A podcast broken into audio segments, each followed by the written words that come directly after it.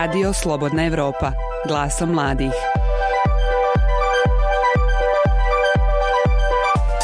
Mnogo je promjena koje čovjek doživi putujući svijetom.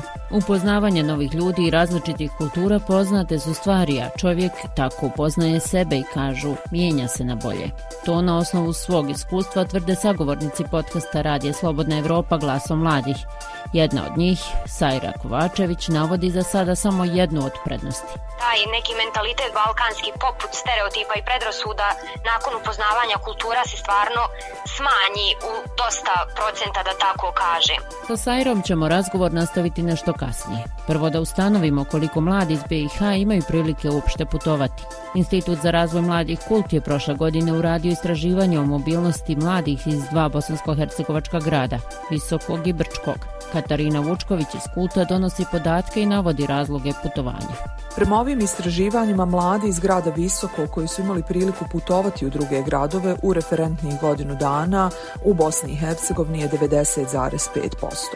Mladi iz Visokog koji su putovali izvan Bosne i Hercegovine su najčešće putovali u Hrvatsku, Tursku i Austriju. U Brčko distriktu se situacija nešto razlikuje. Postotak mladih ljudi iz Brčko distrikta koji su imali priliku putovati u druge gradove unutar BiH u referentnih godinu dana iznosi 74,4%, a u istom periodu putovalo je njih 57% i unutar Bosne i Hercegovine. Dok se iz distrikta izvan Bosne i Hercegovine najčešće putovalo u Srbiju, Hrvatsku, Austriju, Njemačku i Crnu Goru. Najčešći razlozi putovanja mladih ljudi generalno i u Visokom i u Brčko distriktu u posljednjih jel, godinu dana, nešto više od godinu dana, su turistički ili e, posjeta rodbini. Kada govorimo o putovanjima, mladi su imali razloge da putuju i povodom različitih volonterskih kampova, ljetnih škola, škola u prirodi, te naravno ekskurzija unutar zemlje i izvan e, Bosne i Hercegovine. Pandemija koronavirusa poremetila je planove mnogima koji su imali želju obići za njih barem jedan novi komadić zemaljske kugle. Ja sam Aida Đuguma, vi slušate podcast Glasom mladih. U narednih pola sata slušamo mlade koji već imaju hiljade kilometara u nogama, kao i mnogo zanimljivih priča i doživljaja sa putovanja. Ostanite sa nama. Slušate Glasom mladih. Studentica farmacije iz Travnika Sajra Kovačević kaže da ove godine, iako je planirala, nije nigdje otputovala. Inače idem svake godine minimalno jednom u Njemačku. Putujem gore ili radim ili ne znam, odem turistički. Bila je planirana Grčka da se ide na godišnji odmor i bilo je planirano da se ide obilazak zapravo Prag, Beč, Budimpešta, taj gore dio. Neki plan do ljeta. Putovanja joj mnogo znači, a evo i razloga. Pa prvenstveno za mene putovanje negdje znači upoznavanje svih kultura, što samim time znači širenje svih mojih vidika na neki način. Dosad sam putovala, obišla sam skoro cijelu Evropu, izuzev što nisam bila u zemljama Skandinavije i ove godine je neki plan za novu godinu bio da se obiđe i posljednji dio, to je Skandinavija, ali s obzirom na pandemiju još uvijek ne znam da li će se to ispunt i van Evrope nikad nisam išla na drugi kontinent što još uvijek negdje ono žalim, ali nadam se boljim vremenima. Smatram da su nam putovanja bitna radi upoznavanja drugih ljudi i radi sklapanja prijateljstava. Prvenstveno što sam naučila je da ne osuđujem ljude na prvu. Da ne osuđujem ljude po, da tako kažem, po pričama koje čujem, po prvom pogledu na njih kad ih vidim, nego pokušam da razumijem priču koju imaju i pozadnu te priče koja stoji iza njih i zašto se to tako dešava. Naravno, druga stvar je, nauči se dosta stvari o gdje možete primijeniti neke stvari koje ste naučili iz druge kulture, koje nisu kod nas na neki način, da kažem, slobodni govor izražavanja, e, onda e, bolji neki odnos s ljudima, jer znate kako tokom upoznavanja ljudi vi nekako stvarate sliku sebi u glavi, kako to sve izgleda i na koji način vam ljudi predstavljaju državu u koju ste došli. Slušate podcast Glaso mladih. Prethodne epizode pronađite na slobodnaevropa.org ili na Google i Apple podcast aplikacijama. Kerim već tri godine živi u Kini, pa se tamo našao čak i u vrijeme pandemije koronavirusa. Ovaj rođeni Sarajlija, iako je ekonomista, u Kini radi kao predavač engleskog jezika. Ja sam tamo očeo polovinom januara i nadao sam se da će me dočekati djevojka i posao, ali su me dočekali djevojka i endemija. Djevojci sam se obradovao, ali endemiji nisam baš. U početku mislim niko nije, niko nije to shvatio ozbiljno, jel? Jer mislim bila je sasvim nova stvar. Ali već čini mi se u februaru da je postalo jako ozbiljno. Generalno što se tiče znači njihovog odnosa prema pandemiji, potpuno suprotno od onog što se dešava u Evropi. Znači ja sam bio u Šangaju gdje čini mi se bilo nekih 500 prijavljenih slučajeva, Kažem vam, znači, u tom istom Šangaju škole su bile zatvorene pola godine maltene. Ljudi se generalno pridržavaju svih mjera, čak i kad je vlada rekla da se maske ne moraju nositi na otvorenim prostorima, ljudi dalje nose maske, imaju tu kulturu da ne šire vakcine. A, što se tiče ostalih mjera, mislim, to je nešto što se kod nas ne, ne može ni primijeniti. Jer oni imaju infrastrukturu koja je na drugom nivou. Znači, na primjer, sve te zgrade su izgrađene kao, kako da kažem, kao mala privatna naselja i vi imate rampe, vi imate čuvare koji će vama izmjeriti temperaturu svaki put kad izađete i uđete u zgradu. A, ne dozvoljavaju bilo kome drugom osim stanara da uđu u zgradu. A, ako se desi tipa neka dostava, znači dostavljači moraju dostaviti svoje podatke, historiju putovanja i tako dalje u slučaju da se ovaj, nešto desi tako da je mogu kontaktirati. Imali smo čak i na telefonu mini aplikacije preko koji dobivamo kodove. Znači, ako imate zeleni kod, to znači da niste bili u nekim područjima gdje ima eskalacija ovaj, endemije. I onda možete znači da posjećujete tipa turistička mjesta ili možete da uđete u vladinu zgradu i tako dalje. Ako vam je kod crven, znači ne možete nigdje ići. A, mislim, morate dvije sedmice da budete u istom području da vam kod opet pozelenje. Kad ulazite u prodavnice, znači obavezno mjerenje temperature, u mnogim su znači tržnim centrima imali one kamere koje ovaj mjere temperaturu vizuelno mm. i u Kini ako ne nosite masku osjećate se jel čudno već u Evropi ako nosite masku već se osjećate čudno Kad se ti vratio iz Kine? Vratio sam se polovinom jula. Koliko je to tebi sve bilo traumatično, to što se bio zarobljen daleko od svojih? Pa znaš šta nije mi bilo traumatično dok sam ja tamo bio, jer sam se u Kini osjećao sigurno. Pa mislim, svi smo se osjećali kao da neko brine o nam, jer smo bukvalno ovaj, imali situacije gdje nam ljudi pokucaju na vrata da vide ko tu živi, da, da nas ispitaju gdje smo putovali, da li se osjećamo dobro, da nam kažu gdje možemo otići ukoliko trebamo pomoć. Čak smo imali aplikacije gdje bukvalno ovaj, vam pokažu gdje se nalaze zaražene osobe, tako da znamo da li neko u našem naselju ima zaražen. Ali kad sam se osjećao zabrinutim je ovaj, kad se situacija pogoršala u Bosni. Znači tu su mi roditelji koji su ovaj, u 60. godinama, čak jedan kolega ovaj, od mog oca umro, on je bio jedan među prvim žrtvama, tako da sam u htio da se vratim vamo da budem uz, uz roditelju, jer su oni ovaj ti koji su opasnost, ja ne baš toliko. Za život u Kini kaže da je neuporediv sa ostatkom svijeta. Prvi put sam bio, mislim da je sada prije dvije i pol godine, tako to nešto dođe. A bio sam prvo godinu dana, pa sam se onda vratio zbog djevojke, pa sam se opet onda vratio zbog djevojke, pa sad ću se opet vratiti zbog djevojke. Prvi put je bio Chongqing, Mislim, tad nisam nija čuo za grad, ali ispostavlja se najbrže rastući grad na svijetu. Poslije toga sam bio u grad koji se zove Dalian, to je kao odmaralište. Ovaj, vidi se ogromna razlika, pošto oni imaju gradovi spodijeljen po nivoima.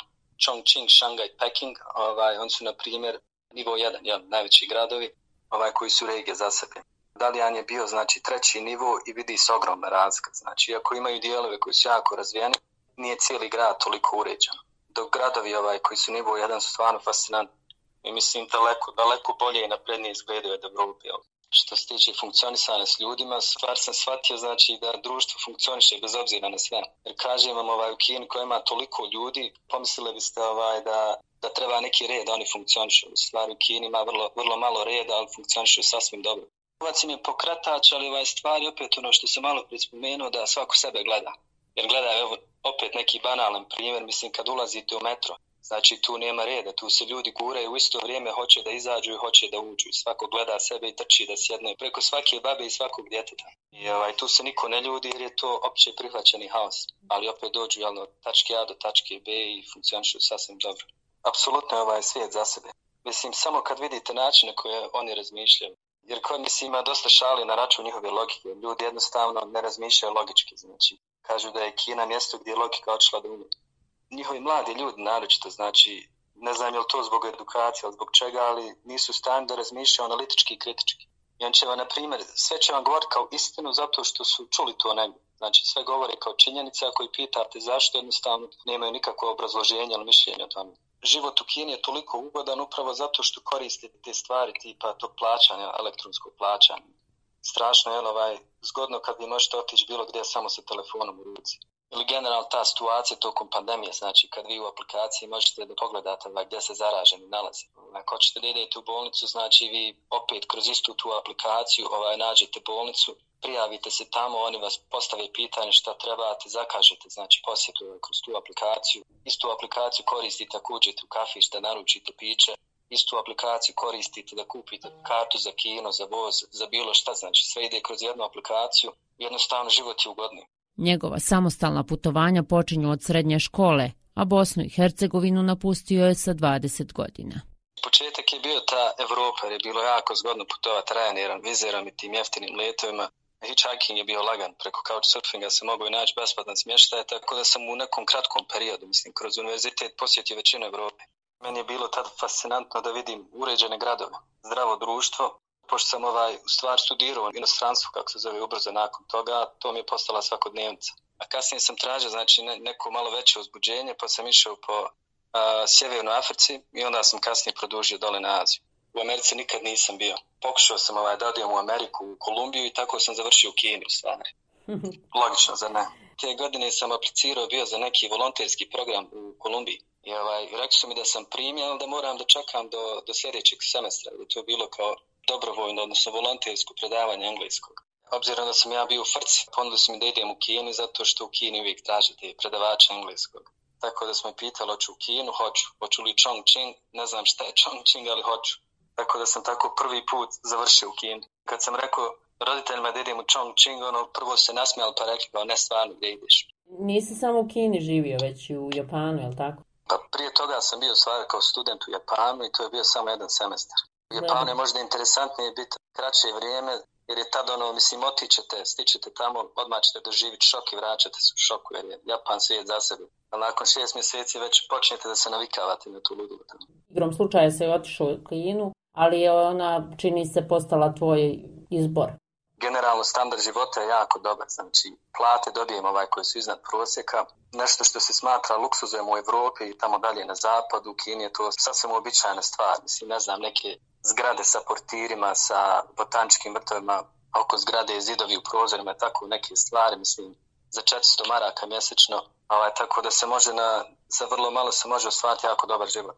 I mislim da je to ono što u stvari ovaj, ljudima bude jako tamo interesantno, jer kako da kažem, ta, ta početnička neka oduševljenost ovaj grada, mislim čovjek se na sve navikne. Ali ovaj, nakon što se naviknete na sve u Kini, dalje ste tu zato što vam je život jako dobar i svjesni ste toga. Šta je to drugačije u odnosu na evo Evropu, pa da ne kažem na Bosnu i Hercegovinu? Pa mislim, ti gradovi su prije svega ogromni. Znači, to je stvarno fascinantno šta su oni ovaj, izgradili. Šta god želite da nađete, znači u Kini nađete. Sve funkcioniše putem interneta, znači vi u stvari ne morate svoje nasilje da napuštate.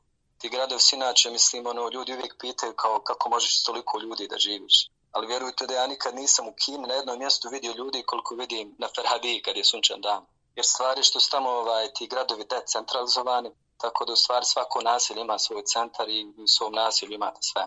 Tamo vlada komunizam, ali su oni strašno ovaj, kapitalistički opredjeljeni. Njima stvari, oni su radoholčari kao Japanci, s tim što Japanci to rade radi kulture i srame. Znači, ako, neko ne, ako vi odete prvi iz posla kući, znači to je sramota. Dok u Kini ovaj, jednako, jednako ovaj, dugo rade, neće oći efikasno, ovaj, zadržavaju se na poslu, i nema podjele znači između radnog vremena i privatnog vremena, ali to radi zbog novca. Zbog novca koji vole da pokažu. Znači, svi voze jako dobra auta. Neko ima u glavi ono kao motore i te neke ovaj, prljave ulice, međutim, to su druge države oko Kine. U Kini se voze samo dobra auta, ljudi hoće da pokažu koliko imaju novca. Znači, što se tiče komunizma, nekako ništa ne djeluje komunistički u Kini. Svoje iskustva i događaje sa putovanja za podcast Glasom mladih podijelio je Kerim, 30-godišnji Sarajlija. Slušate Glasom mladih. Svugdje ima dobrih ljudi je prvo što je još jedan svjetski putnik, Nermi Memeleđije, istakao u razgovoru. Ovaj 25-godišnjak iz Travnika student je završne godine stomatologije u Sarajevu. Do sada je obišao pola svijeta. Njegovo prvo iskustvo počinje sa 18 godina, I to kada je njegovo društvo odustalo od dogovora i putovanja u Italiju. Odlučio je otići potpuno sam. Strah me je bilo što ću ja sam, šta ako mi se nešto desi, šta ako mi uzmu pasoš, ako nemam para, na, na putovanja. I onda sam ja bukvalno kupio svoju prvu a, a, avionsku kartu, ono, strah je to bio veliki jer ono prvi put to radite i ona ja sam nakon par dana posle toga otišao u Italiju. Bio 15 dana i to mi je bilo jedno od najboljih boljih iskustava u životu i to je dalje predstavljala baza za sva ostala putovanja. Ono sam ja skonto da meni generalno ne treba niko da ja se ne trebam zbog drugih ljudi ograničavati. Da ja mogu uraditi neke stvari sam, a na kraju se postavi, ispostavi da ja ne samo da mogu putovanja uraditi sam, nego mnoge, mnoge druge stvari koje ja planiram u svom životu da ja ne trebam ovisiti od drugih ljudi. Tako. Prva je bila lekcija da ne trebamo ovisiti od drugih ljudi i da ako mi e, mislimo da je to nešto za nas ispravno, da koliko god društvo oko nas bilo protiv toga i nas osuđivali, jer mene zaista jesu osuđivali, govorili su hoći ti potroši pare na, to, na ta neka glupa putovanja, pa odje ti je kup se mobtel auto, e, šta ja znam, da ako vi mislite da je to za vas ispravno, da vi to e, gurate do kraja. Prvo samostalno putovanje planirao je do detalja. Nakon uspješno završene prve godine i polaganja famozne anatomije, nastavio je putovati, ali mnogo opuštenije. Onda sljedeće godine, znači, tad sam završio prvu, jer je prva godina kod nas pravo teška. I ja sam otišao onda na drugo putovanje, svoje isto je bilo po Evropi.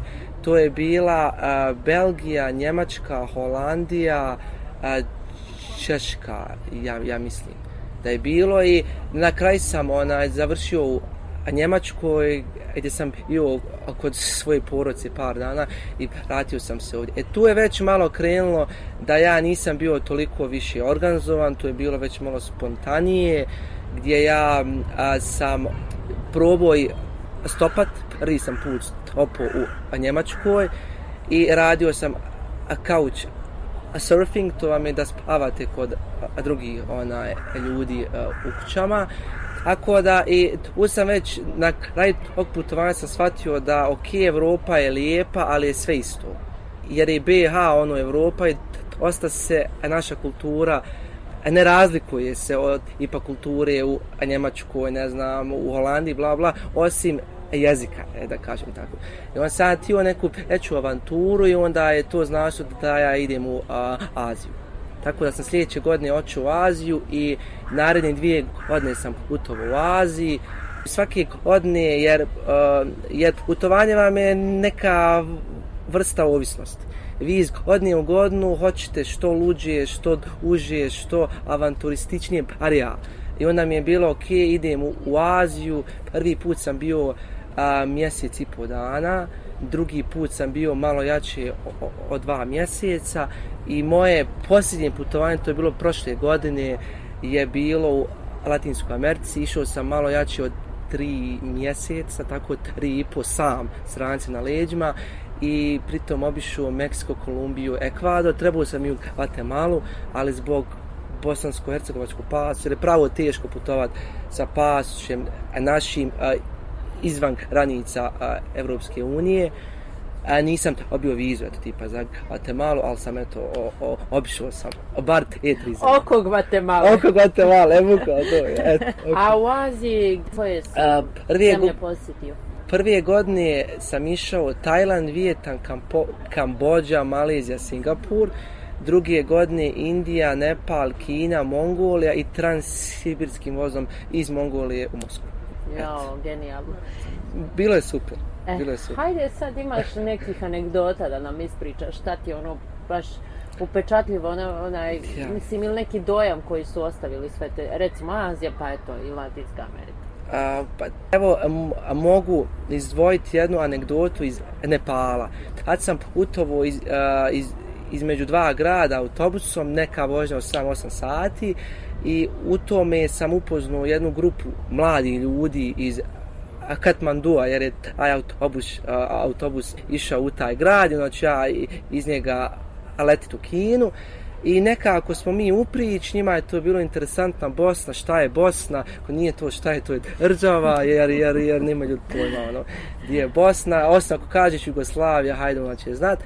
I onaj, E, njima je bilo interesantno što je bijelac sam u autobusu, jer morate shvatiti da a, većina stranaca, stranaca, iako Peking u svijetu nije ništa novo, a, za, za naše bosansko-hercegovačke standarde možda jest, ali krenuo je taj pokrijet iz Evrope i njima tamo nije čudno idjet backpackere čitavog svijeta, ali mi je čudno vidjeti neko ko putuje sam, a da nije s nekim drugim bijelcem. Jer vi ako putujete sam, većina backpackera putuje s nekim drugim Njemcem, Holandžom, Amerikancem, ako se oni druži. Ali ja pokušavam skroz da eliminišem sve te ljude koji imaju veze s mojim okruženjem. Ja hoću nekako da što više provodim vremena sa lokalcima. Tako sam ja bio sam u tom busu i e, nekako smo mi pričali ovo ono, a, ja se njima svidio i narednim 5 dana kad sam bio u Katmandu, oni su mene vozili na svojim motorima, ja sam upoznao njihovu porodcu, čak me otac od ovog prijatelja iz Nepala nazvao bosanskim sinom. Onda sam imao dosta iskustava sa stopanjem. Tipa, prošle godine sam stopu u svakoj državi, u Meksiku su mi tako ljudi stajali... Nije te strah? Pa imam ja to nekog straha, ali imate stranicu jednu, za uh, stopanje koje se tiče čitavog svijeta. Onda vam oni a, ukucate državu u kojoj planirate, onda vam oni kažu ok, koje regione te, te države ne trebate jel, rad u koje treba. Ja sam putao ovaj dio gdje su većinom a, tu olaze Amerikanci, turisti s ovom, tako da je a, malo sigurnije. Međutim, ilo me strah, naravno, opišite. A znaš, jer to je bilo neko stopanje od a, tri sata i vjerujte da a, su mi ljudi stajali iako ne idu u tom smjeru on se vrate ukvalno da dođu do mene da pitaju da, ali men treba para. Zbog čega ja stopam jel nemam para za autobusa a mi dadnu pare? Onda su, su, su ljudi govorili e evo ti moj broj ja ću za par sati ići tu i tu onaj na tu desnaciju pa te mogu okupiti kakav ti bude osjećaj kad se vratiš u Bosnu? Evo sad si već u Bosni bolje tu si Nisi nigdje išao? Pa, volim se ja vrat onaj, uh, u, u Bosnu. Ja kažem ono, e, dosta sam ja stvarno putovo, ali nema svugdje o, ovako o dobri ljudi kod nas. Volim porod, svoj, svoje prijatelje, mene bude puno srce kad se ja vratim ovdje, da se ima ispričan šta se to meni desilo. Da... I kakve su reakcije ljudi? Kao šta ti kažu, mislim, šta ti radiš? Svom životu, zašto putuješ, pa, kako putuješ. Ja. Obično mlade najviše spriječava to što nemaju novca. Šta ti kažu? E, da, prvo je pitanje gdje si bio, šta je bilo zanimljivo, je li se šta desilo loše, tu i svi moram razočarati, jer evo, Boga mi, bio sam tri, tri i pol mjeseca na ovom posljednjem putovanju, ništa meni se nije desilo što tiče opasnost. A izlagao sam se opasnost i stopanjem, išao sam u, u neke gradove koji nisu toliko sigurni i, i tako dalje. Tako da s te strane ići sigurnosti vas ne treba biti strah ukoliko se vi pazite. Znači, ako imate istu dozu pažnje koji u Sarajevu, ništa vam se ne vidi. Kako se pripremaš za putovanje? Trenutno je meni najveći ograničavajući faktor bosansko-hercegovački pasoš. Znači, prva stvar koju ja uradim, vidim, ali meni treba viza, ako treba viza, što ja moram imat da bih aplicirao za tu vizu. Onda, druga stvar, vidim koliko imam para, koliko mi treba. E onda, e to je upravo drugo pitanje, na koji način financiram ja svoje putovanje.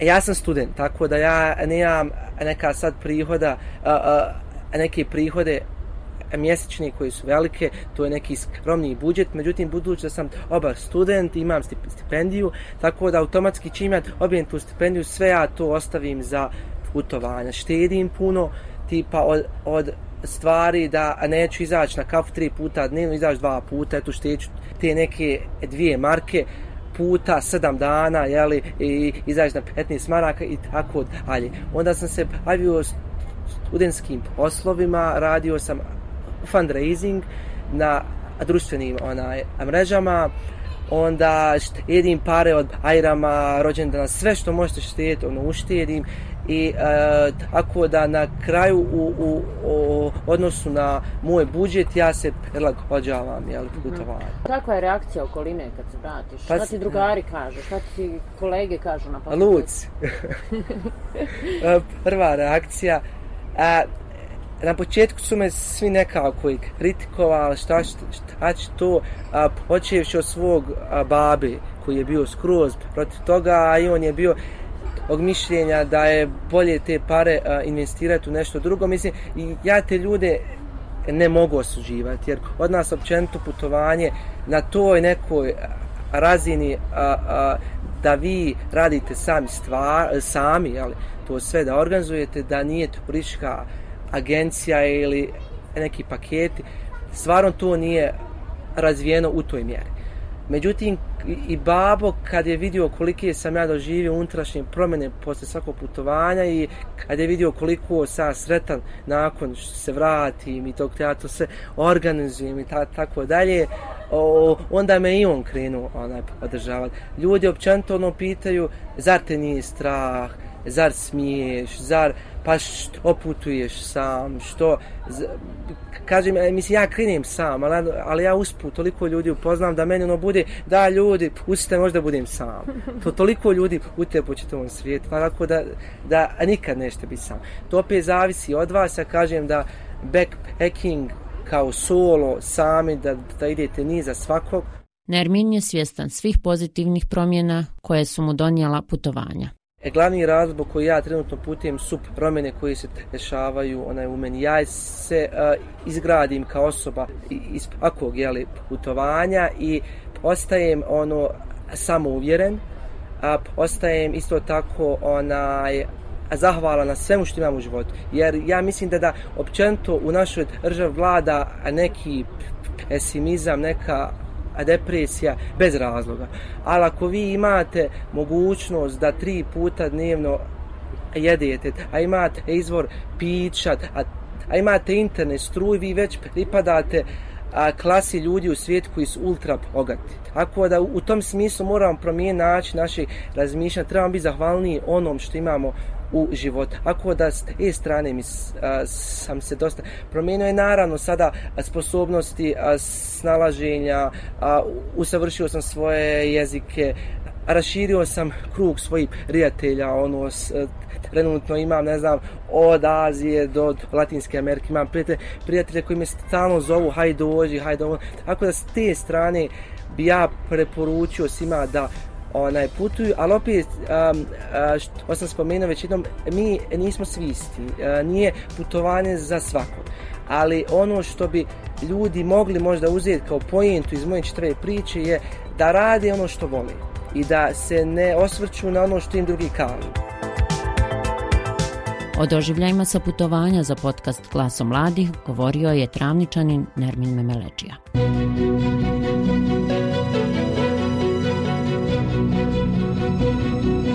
Slušate podcast Glaso mladih. Prethodne epizode pronađite na slobodnaevropa.org ili na Google i Apple podcast aplikacijama.